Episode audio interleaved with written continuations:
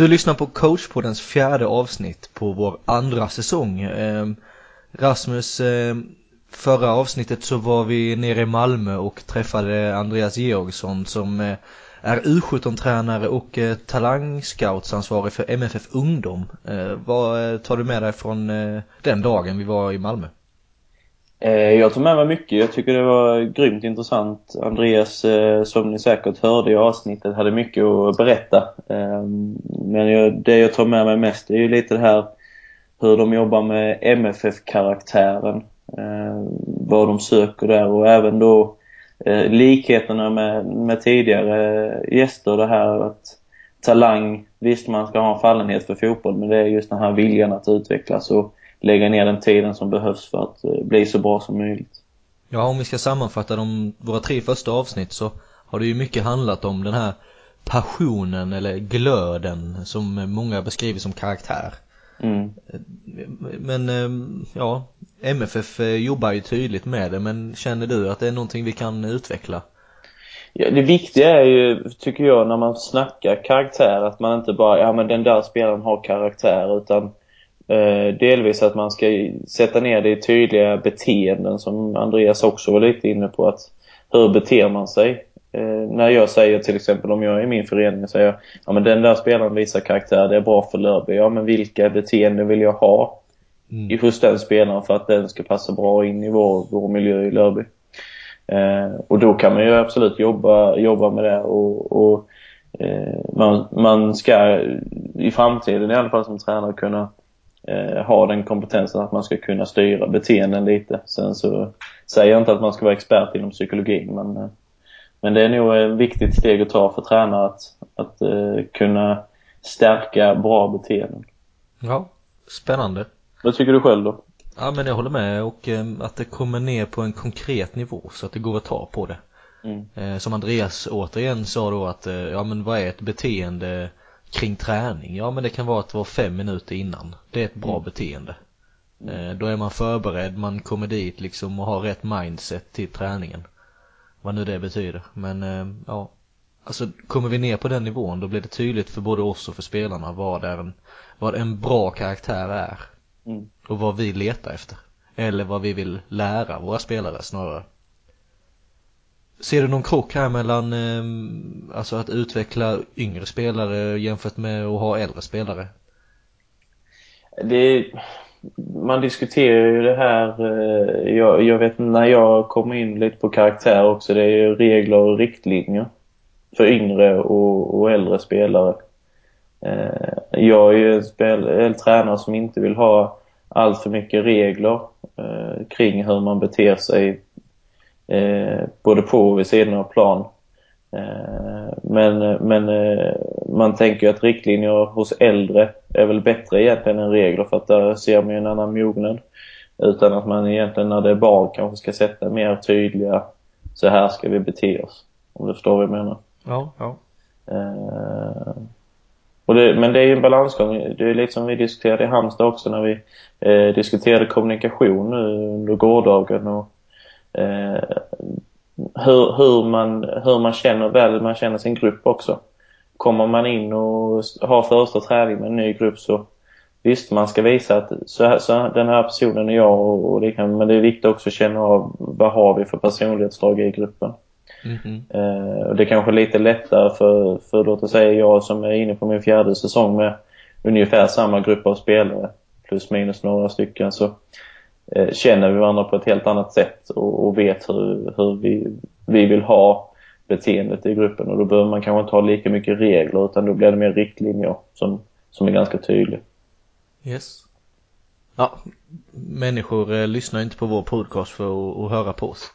I stor Nej. utsträckning tror jag inte. Så att eh, vi, eh, vi går vidare och eh, vi fortsätter ju på eh, talangtemat här. Eh, och vi har kanske en av Sveriges främsta eh, inom det ämnet. Eh, välkommen Stefan Billborn.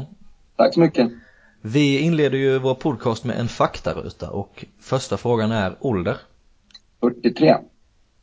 Utbildning? Ja, vad är det? Jag har väl eh, gått lite universitetskurser genom åren men eh, fotbollsmässigt så är det, ja, det har provlicens då kan man säga. Ja. Din huvudsakliga sysselsättning? Jag är chefstränare i akademin i Hammarby IF. Ja. Eh, familj? Nej. Favoritlag? Ja, eh, Ajax på 90-talet. Ja, ja. Inte idag då? Nej, är, nu, jag är lika tråkig som alla andra i, i Barcelona, men eh, det är så, det är nästan allmängiltigt att säga det idag så att man får hålla tyst om det.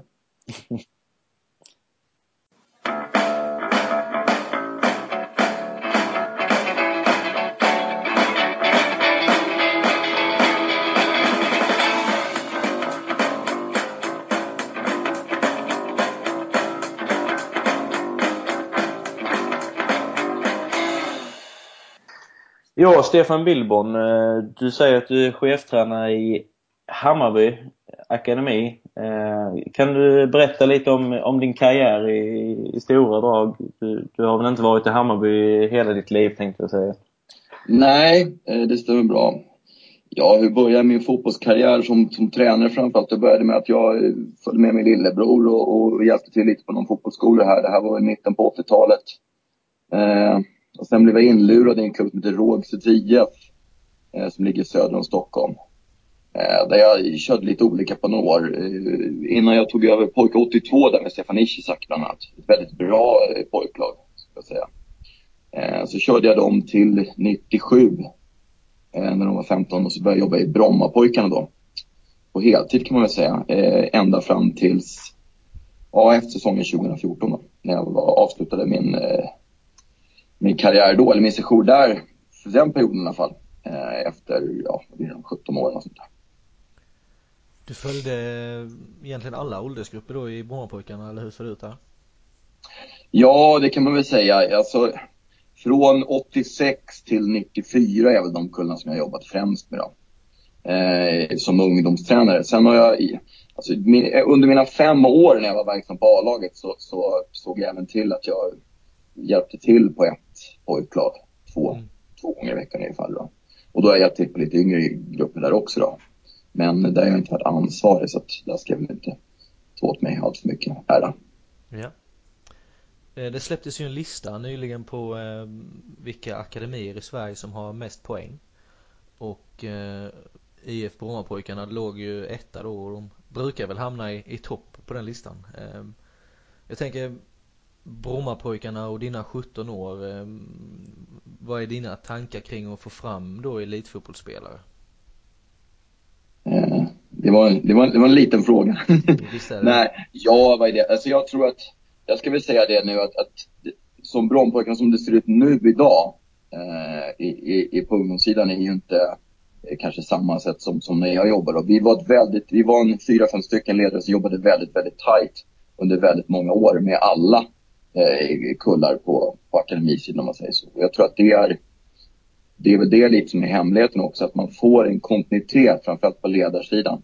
Och att man har, eh, jobbar efter eh, gemensamma mål och efter gemensamma värderingar och gemensamma principer.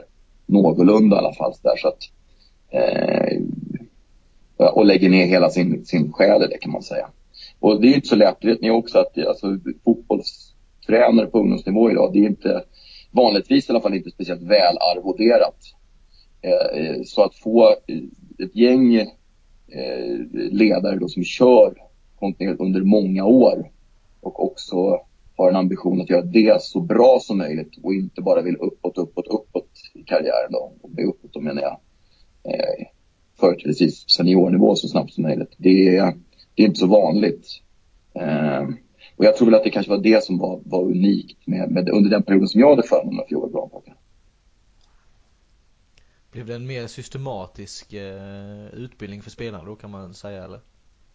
Ja, eh, eh, jag vill tro det i alla fall. Och, och jag tror också att eh, det blir mindre prestigelöst därför att en av de viktigaste faktorerna om man ska jobba med, med talangutveckling eh, det är faktiskt att, att tränaren klarar av att lägga sitt ego åt sidan och sätter eh, spelaren i centrum. Eh, och då tror jag att man måste ha rätt ledare på rätt plats. Man måste också ha samarbete. Man måste ha korta beslutsvägar. Man kan inte vara för många Eh, och man måste jobba över längre tid. Mm, mm.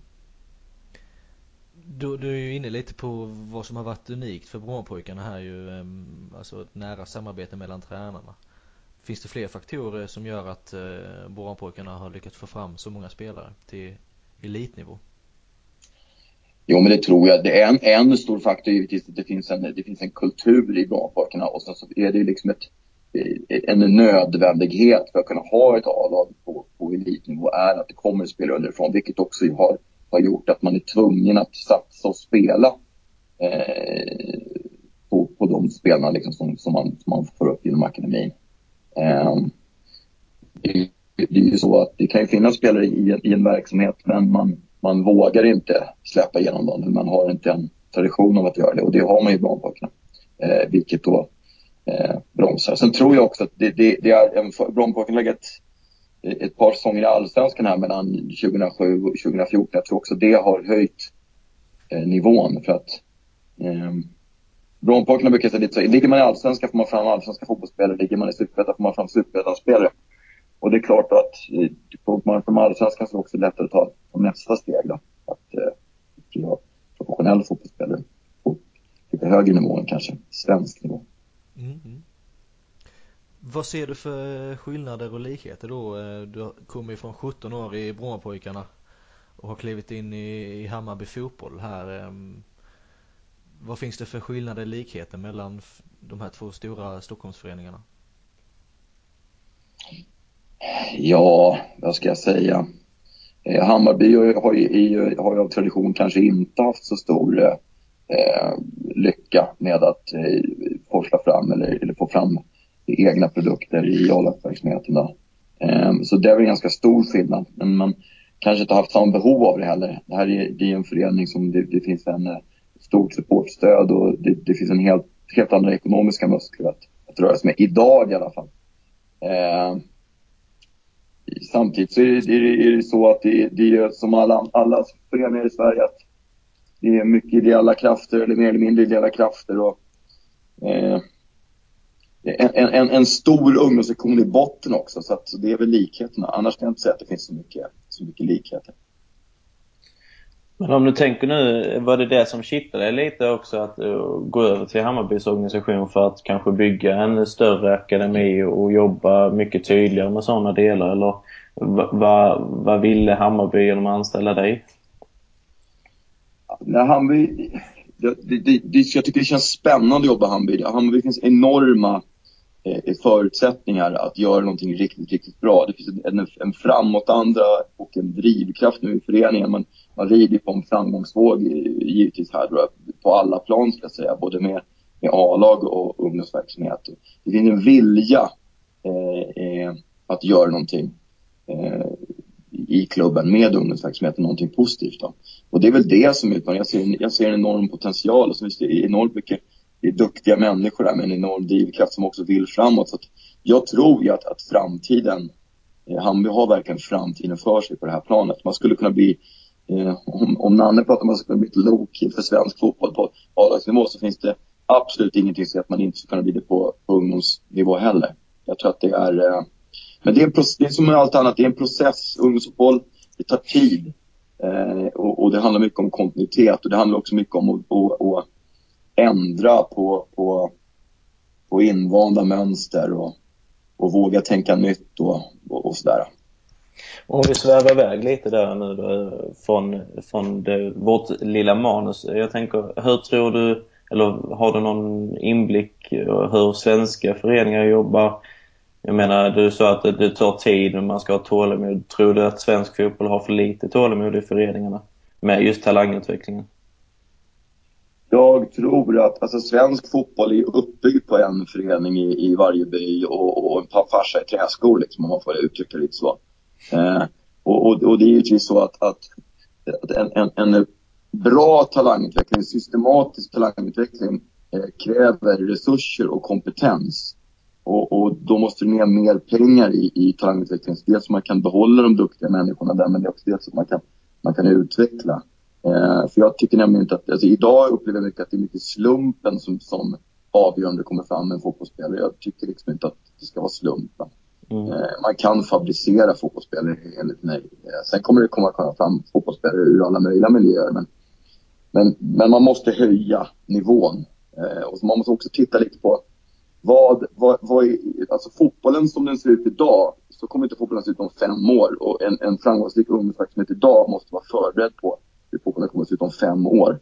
Eh, alltså, och, och, då blir det, fotbollen går, det blir snabbare och snabbare, det blir mer och mer tekniskt. Och då kommer det också krävas en mer målmedveten och systematiserad träning i, i yngre åldrar. I alla fall om man ska vara säker på att, att få fram spelare på regelbunden basis, det är jag övertygad om. Mm.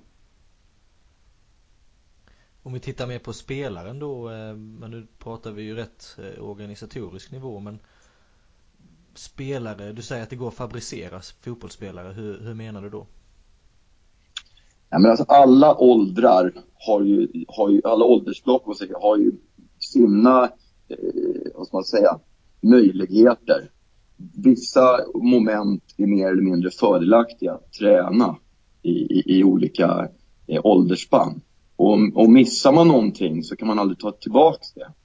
Eh, och, och så fotbollen har sett ut, eller såg ut för 20-30 år sedan, då var fotboll till stor del det var mycket en, en fysisk idrott. Du kunde börja sent och hade du fysiska förutsättningar så kunde du liksom, eh, vad ska man säga, ta igen det. Du kunde konkurrera med det. Men, men idag är det så otroligt mycket svårare. Det går mycket fortare vilket gör att du måste, du måste vara tekniskt klar när du är en, en, en 18-19 år idag. Och, och, då måste du liksom kunna ha tillgodogjort det mycket, mycket tidigare. Det är svårt att, börja, att bli en teknisk fotbollsspelare om du startar när du är 16-17, för att inte säga omöjligt. Eh, du pratar om fönster här. Kan du ge andra exempel? Eh, alltså vilken, vilken ålder ska man träna teknik till exempel? Och var lägger man tyngdvikt? Ja, det, är, det, är, väl en allmän vedertagen sanning att, att, i förpuberteten när nervsystemet är fullt utvecklat och kroppen fortfarande är liten, kanske mellan 9 till 9 till 12, där, det är extremt fördelaktigt att, att träna in tekniska moment där. Det som jag tycker är problemet nu om man tittar på, på svensk ungdomsfotboll, om man ska lite elak, de här, de som tycker att, att man tränar mycket teknik, så här, vårt problem är att vi inte klarar av att göra om det till en färdighet här. Mm. Alltså, det, det, blir liksom show, det ser bra ut allting. Föräldrarna är nöjda och spelarna är nöjda och allting, men, men när man tar ut det sen till match så, så har man inte, man klarar inte av att, att göra och, och liksom och använda det man har tränat på under match. Och sen har du den andra motsättningen då att de som tycker att man bara ska spela Eh, och att det liksom är det som, som är grejen. Eh, hemligheten för mig är det att man måste kunna träna eh, moment, kalla det isolerat eller vad du vill. Problemet är ju det att folk har olika uppfattningar vad isolerade träningar är. Vi kan lämna det därhän, men man måste klara av att göra om tekniken till en färdighet. Och klarar man inte av att göra det, då, då, då blir det väldigt svårt. Eh, då blir det slumpen igen som avgör liksom. Och, och jag tror att det, det är det som är det största problemet. Och i slutändan sen det sista där när man blir man ser upp, man kommer på juniorålder, då hade de måste sätta in din strategi också. Kunna göra det på rätt ställe, på planen, i rätt situation och göra det där det är mest till gagn för laget. Eh, och då måste man ha ledare som kan förmedla ut det också. Så att det, det, det är det jag menar med kontinuitet. Man måste ha, det måste finnas ett, en, en helhetssyn på det här i, i, i föreningen för att man liksom kunna dra absolut mest nytta eh, ja, av det på sikt. Då.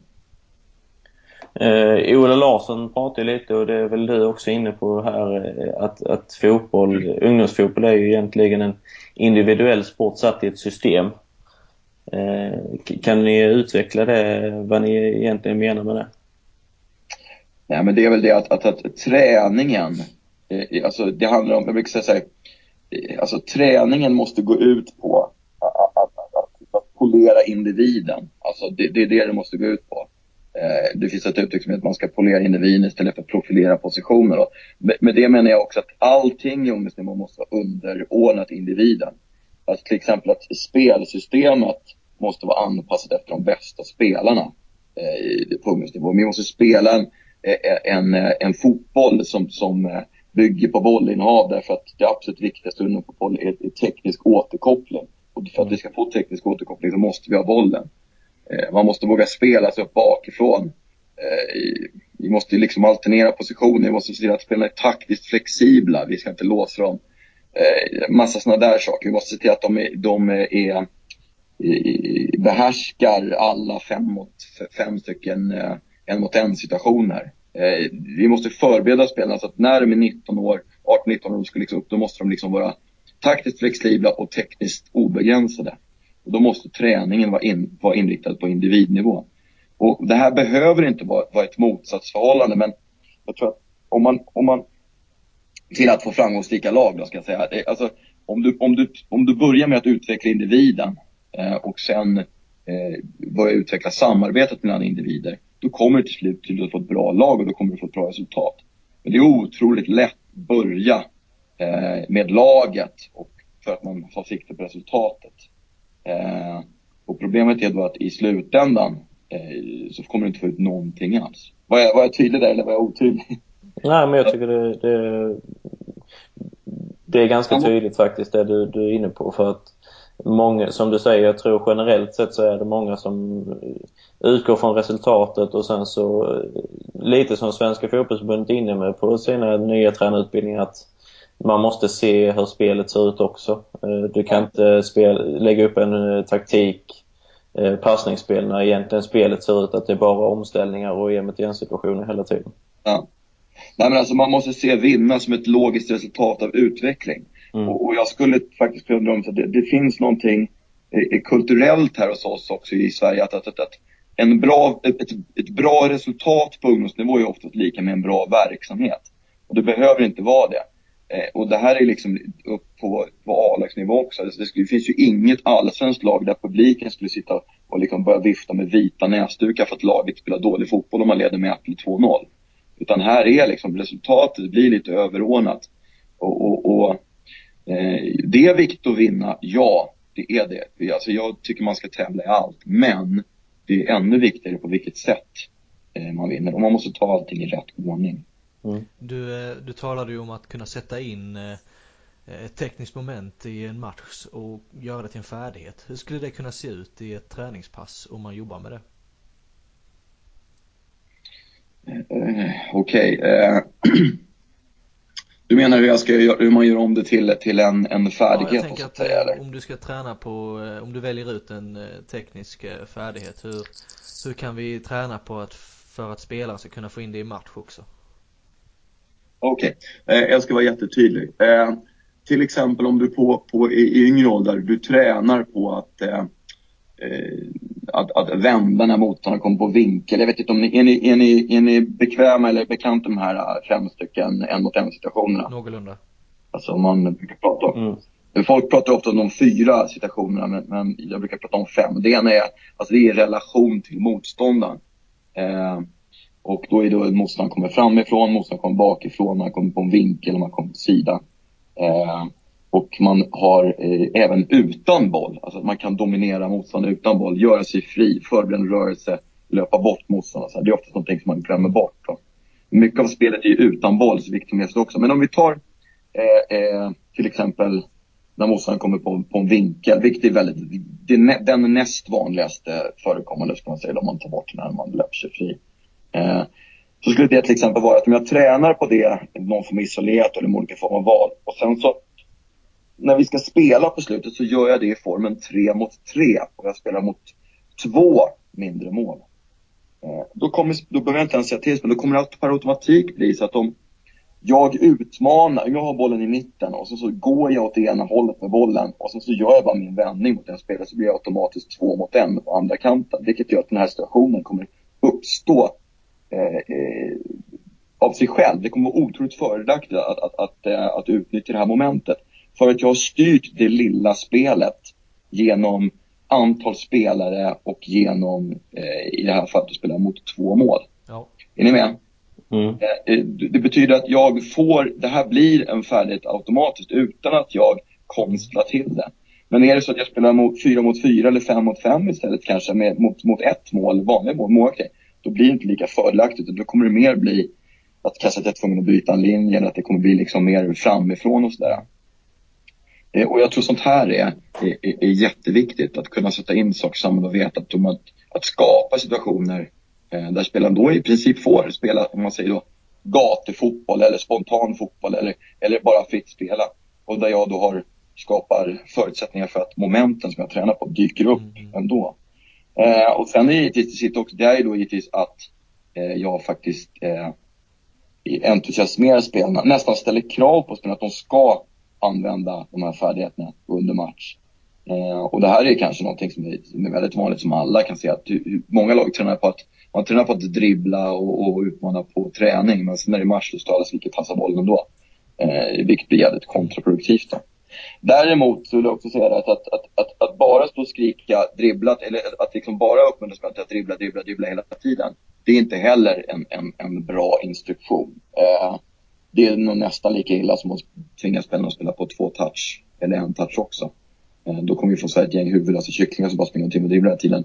Jag tror man tränar på de här momenten och sen så sätter man in dem i de här spelen, styrda spelen då genom olika förutsättningar. Där de här situationerna dyker upp. Eh, och då behöver vi egentligen inte instruera spelarna utan du behöver bara uppmuntra dem att, att spela med liksom självförtroende och våga. Eh, utan att lägga någon mer värdering så, så kommer det här att bli en färdighet. Lät det logiskt? Och då, ja. Det är tyvärr inte det. Men... Då blir det ju upp, eh, upp till tränaren att eh, klura på hur man ska lösa det och få in det i eh, en mer matchlik miljö. Absolut, och det är det här som är, mycket av det här är hemligheten. Alltså det är ganska enkelt egentligen men man måste hela tiden veta vad man gör, varför man gör saker och ting och vad utfallet blir av det. Eh, och då är vi återigen där med struktur och kontinuitet och, och sådär. Vi måste ha gemensamma värderingar i, i, i en organisation och sådär för att vi ska få en optimal utveckling. När du eh, återigen fabricerar spelare, eh, ska de ha någonting med sig när de kommer till, eh, vi säger Brommapojkarnas P10? Eller alltså kan, skulle du kunna fabricera en spelare utifrån att spelaren inte har några tidigare förutsättningar? Eh, förstår du vad jag är inne på lite? Eh, jag förstår, jag men alltså alla spelare, alltså, ju, ju, alltså alla spelare har ju, har ju, har, har kan ju bli bättre. Det är, absolut, det är så. Men jag tror man lurar sig själv om man, om man tror att alla spelare kan bli elitspelare. Det, det, det är så mycket som är så. Alltså, att det absolut viktigaste med ungdomsspelare när man tittar på dem, vilka som är, om man då tar talangbegreppet, det är vilka spelare har potential på lång sikt. Eh, och, och det här är liksom då någonting som, som kan vara lite klurigt att se, för det ligger mycket i det här. Eh, men, men poten, potential på lång sikt, det är ju först och främst att man har en, en, en längtan och en passion av att spela fotboll hela tiden. Det är ju det absolut viktigaste. Eh, sen givetvis att man, att, att man är mottaglig för det som vi tränare då matar in i den här spelaren. Eh, att man orkar nöta det här. Eh, och tycka att, fortfarande tycka att det är roligt. Lite deliberate practice-begreppet då, eller om man säger sådär. Eh, och sen att man gör det över en längre tid oavbrutet och fortfarande har den här glädjen.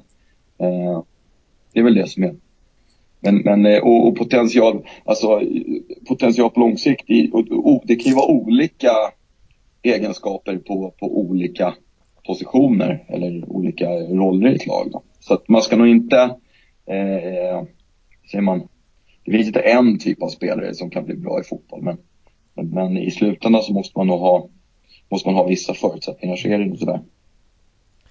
Om vi tittar på träningsmängder. Eh, man har ju tidigare talat om 10 000 timmar. Eh, finns det någon eh, verklighetsförankring i, det eller är det färre timmar med högre kvalitet? Ja, alltså de, det här timbegreppet är, det är bara måttligt transferbart på, på fotboll. Eh, ska jag säga. Eh, återigen så här, jag, jag skulle säga att ja, kvalitet är absolut det viktigaste.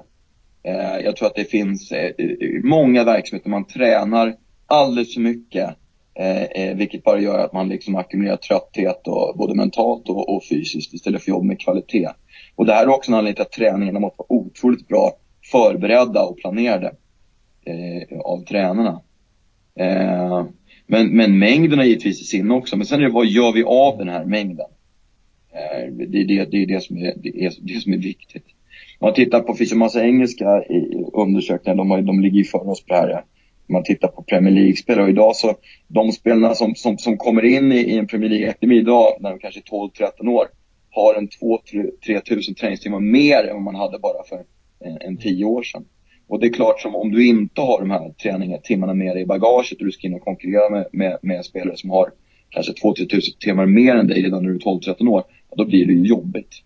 Eh, så är det bara. Men samtidigt så fotboll är en, en fantastisk sport. Det finns, man kan konkurrera på många olika sätt. Då. Och i slutändan så är det så här, vem är det som orkar? Eh, vem, vem orkar hålla ut i slutändan? Eh, för det är också så här att du kan, ju, du, kan ju, du kan pika när du är 12, du kan pika när du är 14, du kan pika när du är 19, du kan pika när du är 28. Så är det bara. Frågan är på vilken nivå. Det här är, det här är naturligt, det här är inget konstigt. Eh, folk tycker att det är konstigt, man ska liksom, det, det, det, är inte en, en kontinuerlig liksom, eh, utveckling hela tiden. Utan man når, vissa spelare där, man slutar där. Eh, det är därför också det är inte den som är bäst när han är 15 som är bäst när han är 18 eller bäst när han är 22. Det, det är ganska roligt det också. Alltså potential över tid eh, och eh, att passion för fotbollen, att åka träna. Hur, hur bedömer man det när man eh, tittar på spelare? Nej, men det tror jag är ganska enkelt. Det är väl som med allt annat. Man ser ju på spelarna om de brinner. Springer de till träningen när det är träning? Alltså det är en sån här klassiker mm. när man samlar gruppen. Men de är mitt i små. Kommer de springande när, när pappa eller mamma släpper ut bilen till träningen eller drar de benen efter sig? Eh, mm. liksom, har man en, vill man bli bättre hela tiden? Vill man spela fotboll hela tiden? Det, det, det tror jag är det absolut enklaste. Eh, mm, mm. Att se det det som är, det som, det som är oftast ett hinder för att Alltså om, om, man är ärlig mot sig själv och tittar potential på lång sikt. Det, det finns ju en, en, en, eh, risk med att man, om, om vi återgår till det innan, att man, om, om man sätter resultatet i, i fokus och tar ut spelare som är tidigt utvecklade till exempel. Eh, så givetvis att du kommer att missa en väldigt massa spelare. Men det blir också på, tittar du på teknik och speluppfattning och attityd som jag kanske tycker är de viktigaste ingredienserna Eh, och gör det i tillräckligt stor utsträckning. Då skulle du också slippa det här eh, vi har med att du tittar på, som också är uppe på tapeten nu här igen med, med vilken eh, ålder du är född på, eller vilken tid du är född på året och sådär. Alltså. Eh, och det vore ju enkelt för landslaget tycker jag. Nu börjar snacka man om future teams och sådär, men det vore ganska enkelt om man, vad vill vi spela för fotboll? Eh, är, är, har vi en, en, en, spelar vi en teknisk fotboll som som bygger på eh, teknik, kombinationsförmåga och, och kvickhet sånt där, då, då tror jag att eh, det skulle lösa sig själv. Mm. Det, man måste se sig själv i spegeln bara. Ja, precis. Men jag tänker den här glöden kan ju kanske vara svår att bedöma på lång sikt. Eh, så är det. Alltså det kan ju vara en kille Absolut. som, har, eh, som springer till träningen men ja. en vecka senare så kanske han drar benen efter sig. Eh, ja. Jag bara, Nej, men där får man ju ha lite tålamod. Men samtidigt också tycker jag att det här är, det här är ju också någonting som är, det behöver inte alltid vara fotbollens fel och tränarens fel och föräldrar, eller föräldrarnas fel. Att, att någon väljer att inte längre vilja liksom lägga ner hela sig själv i fotboll. Om man börjar att träna fotboll när man är, är väldigt liten och helt ska hålla på hela livet så det är ju som allting. Alltså, de flesta, man kanske leker med, med, med Big när man är, nu är jag så gammal så det kanske inte är en Jesus är men när jag är nio, men det är inte lika kul. Jag plockar inte fram Big Jim-dockorna när, jag, när jag är 15 för det. Eh, då kanske jag har något annat intresse. Mm. Det, är inte konstigt tycker jag att, att, att intresse kan liksom falna. Mm. Men det viktigaste är att det, det kanske gör det att det är på grund av att man tröttnar just på fotboll, att det inte är på andra grejer, att det kanske är krav eller, eller ja, vad vet jag, det kan ju vara vad som helst. Ja, Men att det är det. det. Det är en naturlig del att alla inte vill spela fotboll i 25 mm. år. Det är, jag tycker inte att det är konstigt. Och det är därför också som att, det är, att, att, att längtan och passionen är så viktiga. Om man har jättestor längtan och passion så kanske inte risken att den, den svalnar eh, är, är, är, lika fort i alla fall. Är som om man har en måttlig längtan och passion och, och fotboll. Mm, mm.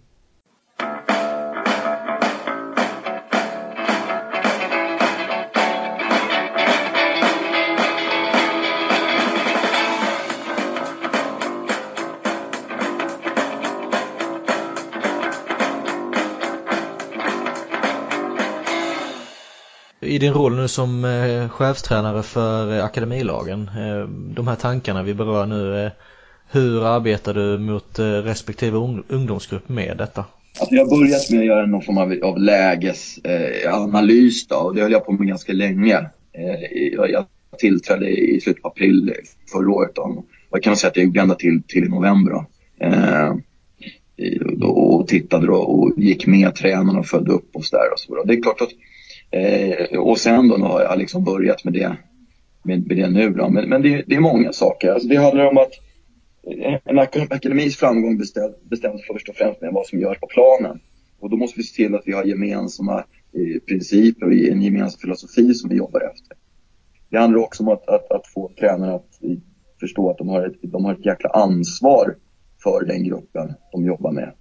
Eh, för att det är ett ansvar att ha, ha, ha, hand om kanske 15 stycken talangfulla fotbollsspelare. Eh, det är viktigt också att vi har, vi har en kultur som, som fokuserar eh, på teknik istället, kanske på, istället för fysisk överlägsenhet. Eh, vi måste ha, ha, ha tränare som kan ha förmåga att identifiera en spelares naturliga styrkor eh, och har en förmåga att, att, utveckla den potentialen som finns hos spelaren. Vi måste bygga grupper som är, eh, kan hjälpa till att utveckla individen. Det är inte alls så säkert att det är så. Eh, om man får uttrycka vilka spelare ska vara i botten på gruppen, vad är för regler och normer och värderingar som ska gälla i gruppen för att det ska vara en, en bra miljö att utvecklas i, både som, som, som människa och som, som fotbollsspelare. Eh, vi måste se till att vi har en vision som är gemensam att jobba efter. För att vi utvärderar det vi håller på med, hela tiden, vi måste utbilda de tränarna vi har. Vad är bäst utbildning för den här tränaren? Jag vill ju ha den tränaren på pojkar 12 som har ambitionen att vara Sveriges bästa tränare på just pojkar 12. Inte som har ambitionen att han vill träna Hammarbys A-lag om tre år. Eh, för det tror jag också, det, också, det är förödande. Eh, visionen måste också liksom vara, den måste vara utvecklingsdriven liksom fokusera på, på, på resultatet som laget ska göra i helgen. Menar, jag sa det till någon här, alltså, Nanne Bergstrand kommer inte vara så intresserad om, om vad någon spelar, hur många mål en spelare gjorde i en match mot Bromsten för, för fyra år sedan. Liksom. Ja, och det här låter ju som att det är självklarheter, men det är tyvärr inte det. I, i någon klubb, skulle jag säga. Eh, ja. Jag tycker att kravställningen är alldeles för dålig. Eh, vi måste våga lägga ribban, på, på, lägga ribban högt. Kraven det låter väldigt hårt, men det behöver inte vara något dåligt. Alltså oftast är det så att spelare vill ha krav. Eh, och enkelt sett så handlar det faktiskt om att spelarna ska göra sitt absolut bästa. Eh, det låter också självklart, men för mig är det inte självklart att spelare idag gör sitt absolut bästa. Eh, vi måste träna på rätt nivå. Om, om laget är på nivå 8 så ska vi träna på nivå 8 för att för att kunna nå nivå 9. Vi kan inte träna på nivå 3. Det låter också som en självklar grej, men, men det är inte det tyvärr. Eh, jag skulle säga att, att eh, kvaliteten på instruktionen också måste bli bättre, både den tekniska och den taktiska. Eh, för, för vi kommer inte, eh, vi kommer inte nå dit vi vill om, om vi liksom inte eh, har rätt nivå på, på, på instruktionen och, och kraven. Eh, om jag går tillbaka till kraven så måste en, miljön måste ändå vara att den liksom är positiv och, och den på något sätt har ett holistiskt perspektiv. Jag tycker också att det är viktigt att för att, för att ska kunna ställa riktigt höga, eller höga, men de, de optimala kraven på spelare så måste du ha en relation med spelaren. Och en relation med spelaren tar kraft av dig som ledare, för du kanske har 15 spelare. Och lägga ner ett engagemang i 15 spelare, det kostar. Eh, det vet ni själva om ni, ni har ett ungdomslag, att det, det, det kunna lägga ner engagemang i, i varje spelare. Och då är vi tillbaka till ansvaret här, att du har ett ansvar Eh, för att om du ska ha hand om de här spelen. Eh, vi har också sagt att det måste kunna vara okej okay att, att, att, att misslyckas. Fotboll är ett spel fullt av, av, av misstag. Och, och, vi kan för, framförallt inte förvänta oss att spelarna ska kunna någonting som vi inte har tränat på. Det här låter också som en självklarhet, men, men i, i min värld så är det inte det. Utan vi kan gärna stå och gnälla på att laget är dåligt på det här, den här spelaren är dåligt på det här. Men så, om jag kanske har gått med tränaren i, i två eller tre veckor då. För det är också en sån här grej som jag har, att jag går med tränaren i två veckor. Det är som inte en ryggsäck på Så att säga att det, men ni har inte tränat på det här. Det är, för då, det är för dåligt fokus på det här. Om du, om du nu identifierar det här som ett problem, då måste du se till att ni faktiskt tränar på det också. Eh, mm. eh vi, vi måste skapa en, eller jag jobbar på att ska skapa en, en filosofi här. Eh, där vi faktiskt eh, försöker få fram en egen spelstil och, och där fokus ligger på att skapa tekniska spelare. Eh, och där jag tror också liksom då att det är viktigast att, att vi jobbar med principer. Det var lite som jag sa innan också, att vi måste, ha, vi måste spela efter ett spelsystem som, som, som utvecklar de bästa spelarna, som är de bästa spelarna för tillfället i gruppen. Och inte ett spelsystem som bygger på hur A-laget spelar. Det är också någonting som är väldigt, det är väldigt populärt att man ska spela som A-laget gör. Och det är för mig en katastrof. Att I en elitförening kan tränaren få sparken efter, om, om, om, efter fem dåliga matcher. Ska vi göra om hela ungdomsverksamheten då? Det, det är liksom helt idiotiskt. Eh, vi måste se till också att spelarna är, liksom taktiskt flexibla så att när de lämnar här Hammarby eller om de lämnar sitt lag för något ska över, eller de ska spela landslaget så måste de kunna anpassa sig till, till på det sätt som de spelar där. Det är också någonting som talar för att vi, i, i vår ungdomssektion jobbar efter principer istället för specifikt spelsystem. Eh, ja, nej, ni ser, det, det, är mycket jag kan babbla på här, men, men, eh, men det är väl lite det. Mm -hmm. Spännande. Alltså du nämner principer många gånger. Kan du ge exempel på vad en princip kan vara? Ja, en, en princip som är helt eh, överskuggar allt annat, det är att vi ska ha ett, ett, ett, ett system där vi, som bygger på att vi har bollen mycket mer än motståndaren. För det absolut viktigaste i, i ungdomsfotboll, det är teknisk återkoppling. Och teknisk återkoppling, det är att ha bollen. Eh, alla andra principer egentligen är, är underordnat den. Eh, mm. Och då finns det ju massa underliggande principer där det är att vi ska försöka spela oss upp bakifrån. Eh, oavsett. Och det är också en sån här grej som är, är, ganska vanligt att det kan man göra när man möter lite sämre lag. Men får man tryck på sig så blir det väldigt lätt att man kanske börjar trycka långa bollar ner i kanalen och springa på dem. Och det är någonting som vi inte ska göra utan här ska vi försöka spela oss upp bakifrån. Eh, en annan princip kan ju vara att man ska spela med bredd och djup. Eh, det låter också självklart men det är inte alltid det. Att man jobbar med, eh, alltså med, med mottagande linje både horisontalt och vertikalt. Alltså att vi pratar så. Kanske istället för att prata ut sifferkombinationer. Så vi liksom kan spela in i blocken istället för att spela framför blocken. Att vi alternerar positioner. Inte bara kanske att vi alternerar positioner i den bemärkelsen att spelarna måste spela back genom matchen och spelarna får spela få varandra. Utan mer att man kanske Eh, vi kan växla positioner under match. Alltså i, vi, man roterar, vi spelar med ett roterande mittfält och ja, sådana saker. vi har spelare som bryter linjer med bollen. Uh, vad skulle det mer kunna vara? Jag vill att vi ska kunna, det ska synas att vi försöker liksom vara, dominera de här en mot en situationerna över vana de här fem mot en situationerna.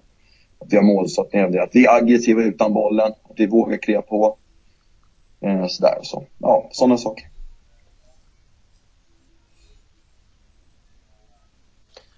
Om vi fortsätter lite, jag tänkte på eh, kravbilden eh, du sa där Billborn. Eh, jag och Herman diskuterade lite innan. Eh, när, när, du, när du ställer krav på spelarna, är du tydlig med, med kraven mot dem och, och hur framför du dem eh, till spelarna? Eh, tänk på du pratar om den positiva miljön. Eh, hur, hur framför du dina krav på vad de ska kunna? Men krav, först måste jag säga att då, alltså jag skulle aldrig gnälla på en spelare för att han misslyckas. Det är inte det. Utan det, det är snarare så att kraven är på att de ska försöka. Eh, återigen är vi här, det här måste ju saker som vi har tränat på. Eh, då det där. Men, men eh, kraven är väl egentligen att man ska ha en attityd, man ska vilja göra sitt bästa hela tiden.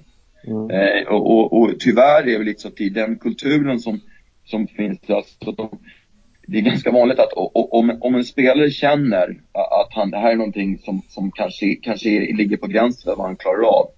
Eh, eller att det är lite motigt. Då gör man inte det bästa. Utan då, då, då, då lägger man inte ner och, och tar inte i. För då kan man liksom bli på något sätt att inför sig själv så kan man skylla på att nej, jag, vi, vi förlorade matchen eller jag var inte tillräckligt bra idag. Men, men jag gjorde ju ändå inte mitt bästa. Det var därför. Mm. Eh, förstår vad jag menar? Det blir en psykologisk, eh, eh, eh, eh ska jag säga, räddningsplanka. Att istället för att försöka göra sitt bästa och misslyckas, utvärdera det och bara se det som ett naturligt steg att jag måste faktiskt försöka ännu mer och då i förlängningen träna ännu mer för att kunna behärska det. Så lägger jag ner eh, och då kan jag alltid försvara inför mig själv att det var bara för att jag gjorde ändå mitt bästa. Mm. Så, så, det ska vara en positiv, vi, vi liksom, ja, vi är ute träningen för att träna och göra det bästa. Och sen har vi en positiv miljö där, där alla försök uppmuntras eh, hela tiden. Mm. Eh, om vi fortsätter lite där, nu, nu kom du in lite på den eh, mentala och psykologiska, att man ska, alltid ska försöka. Andreas Georgsson i förra avsnittet pratade lite om MFF-karaktären.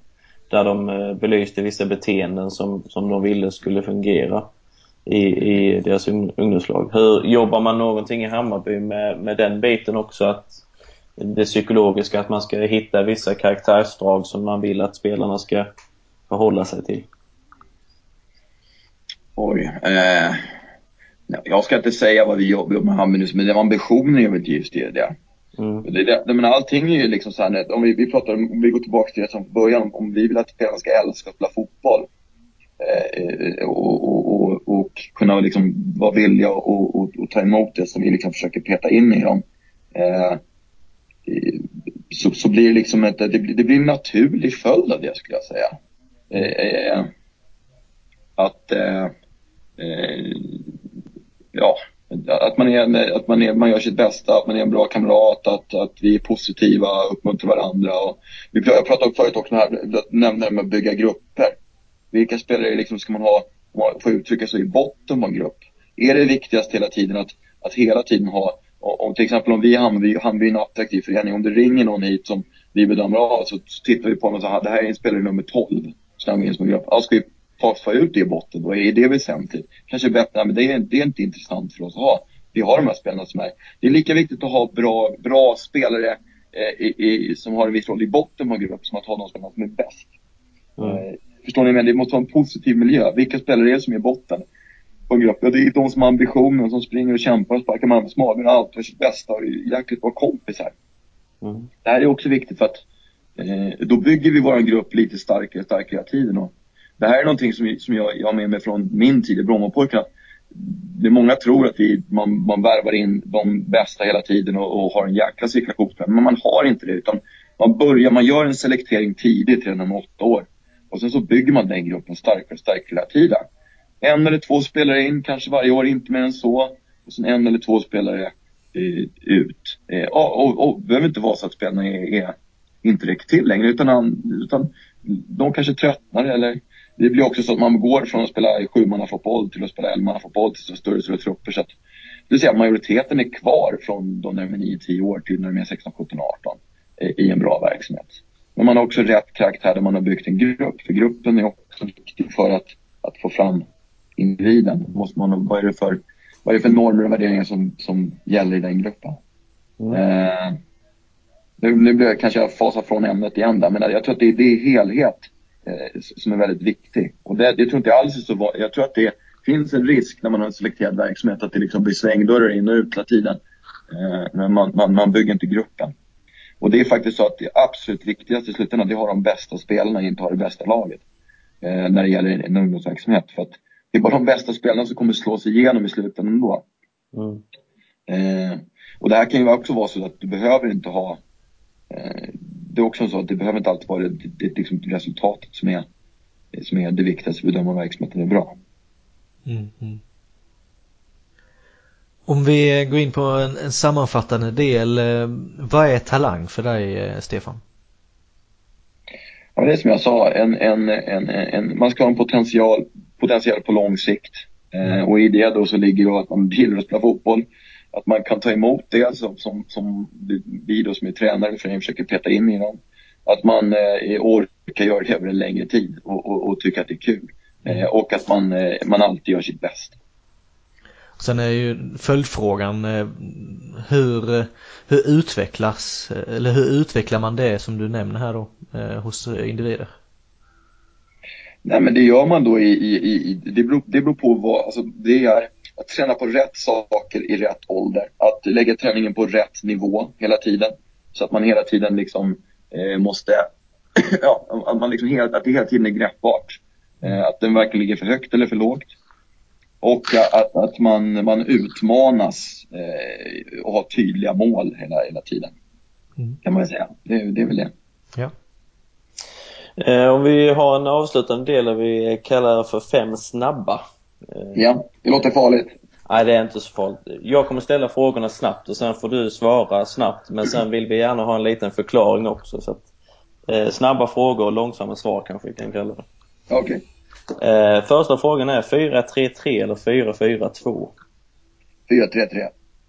Eh, så därför att jag tycker att, det, dels har den här klassikern att det är eh, det är trianglar på planen och det är lättare att men 4-4-2 är väldigt rigid för mig. Alltså det är, eh, det är varken bättre att, att, att försvara sig i eller, eh, eller eh, anfalla i. Enligt min det, det där är väldigt stort. Jag, jag kan se en, en, en fördel i 4-4-2 också. Det är väldigt tydligt.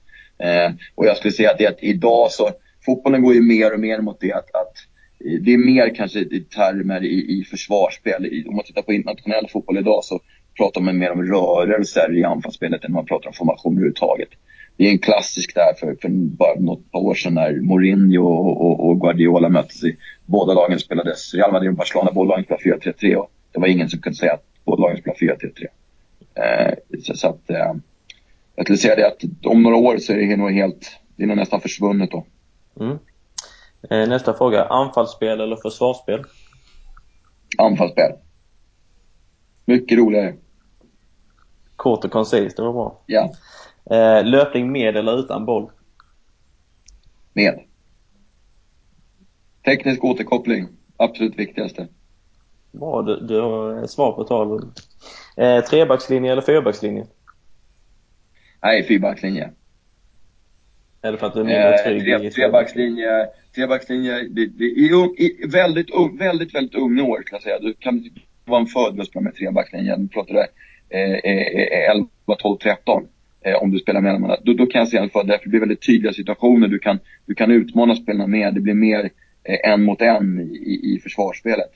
Mm. Eh, i, när de blir äldre så tenderar det alltid att bli mer eller mindre fembackslinje kan jag tycka. Då blir man baktung och, och jag är inte alls så säker på att, på att, eh att det blir mer offensivt utan snarare tvärtom ska jag säga. Mm. Och den sista frågan har vi egentligen fått svar på under detta avsnitt. Men skjuta från höften eller organiserad träning? Organiserad träning. Jag skulle säga att skjuta från höften och tränare som gör upp träningen i, i bilen på väg till den, det, det är en eh, katastrof. Eh, för svensk ungdomsfotboll, svensk fotboll generellt skulle jag säga. Mm. Ja, med de eh, frågorna så avslutar vi väl avsnittet för idag. Eh, och tackar Stefan Billborn för att du ville delta. Ja, tack så mycket för att jag fick vara med. Kul. Tack. Vi hörs eh, nästa vecka.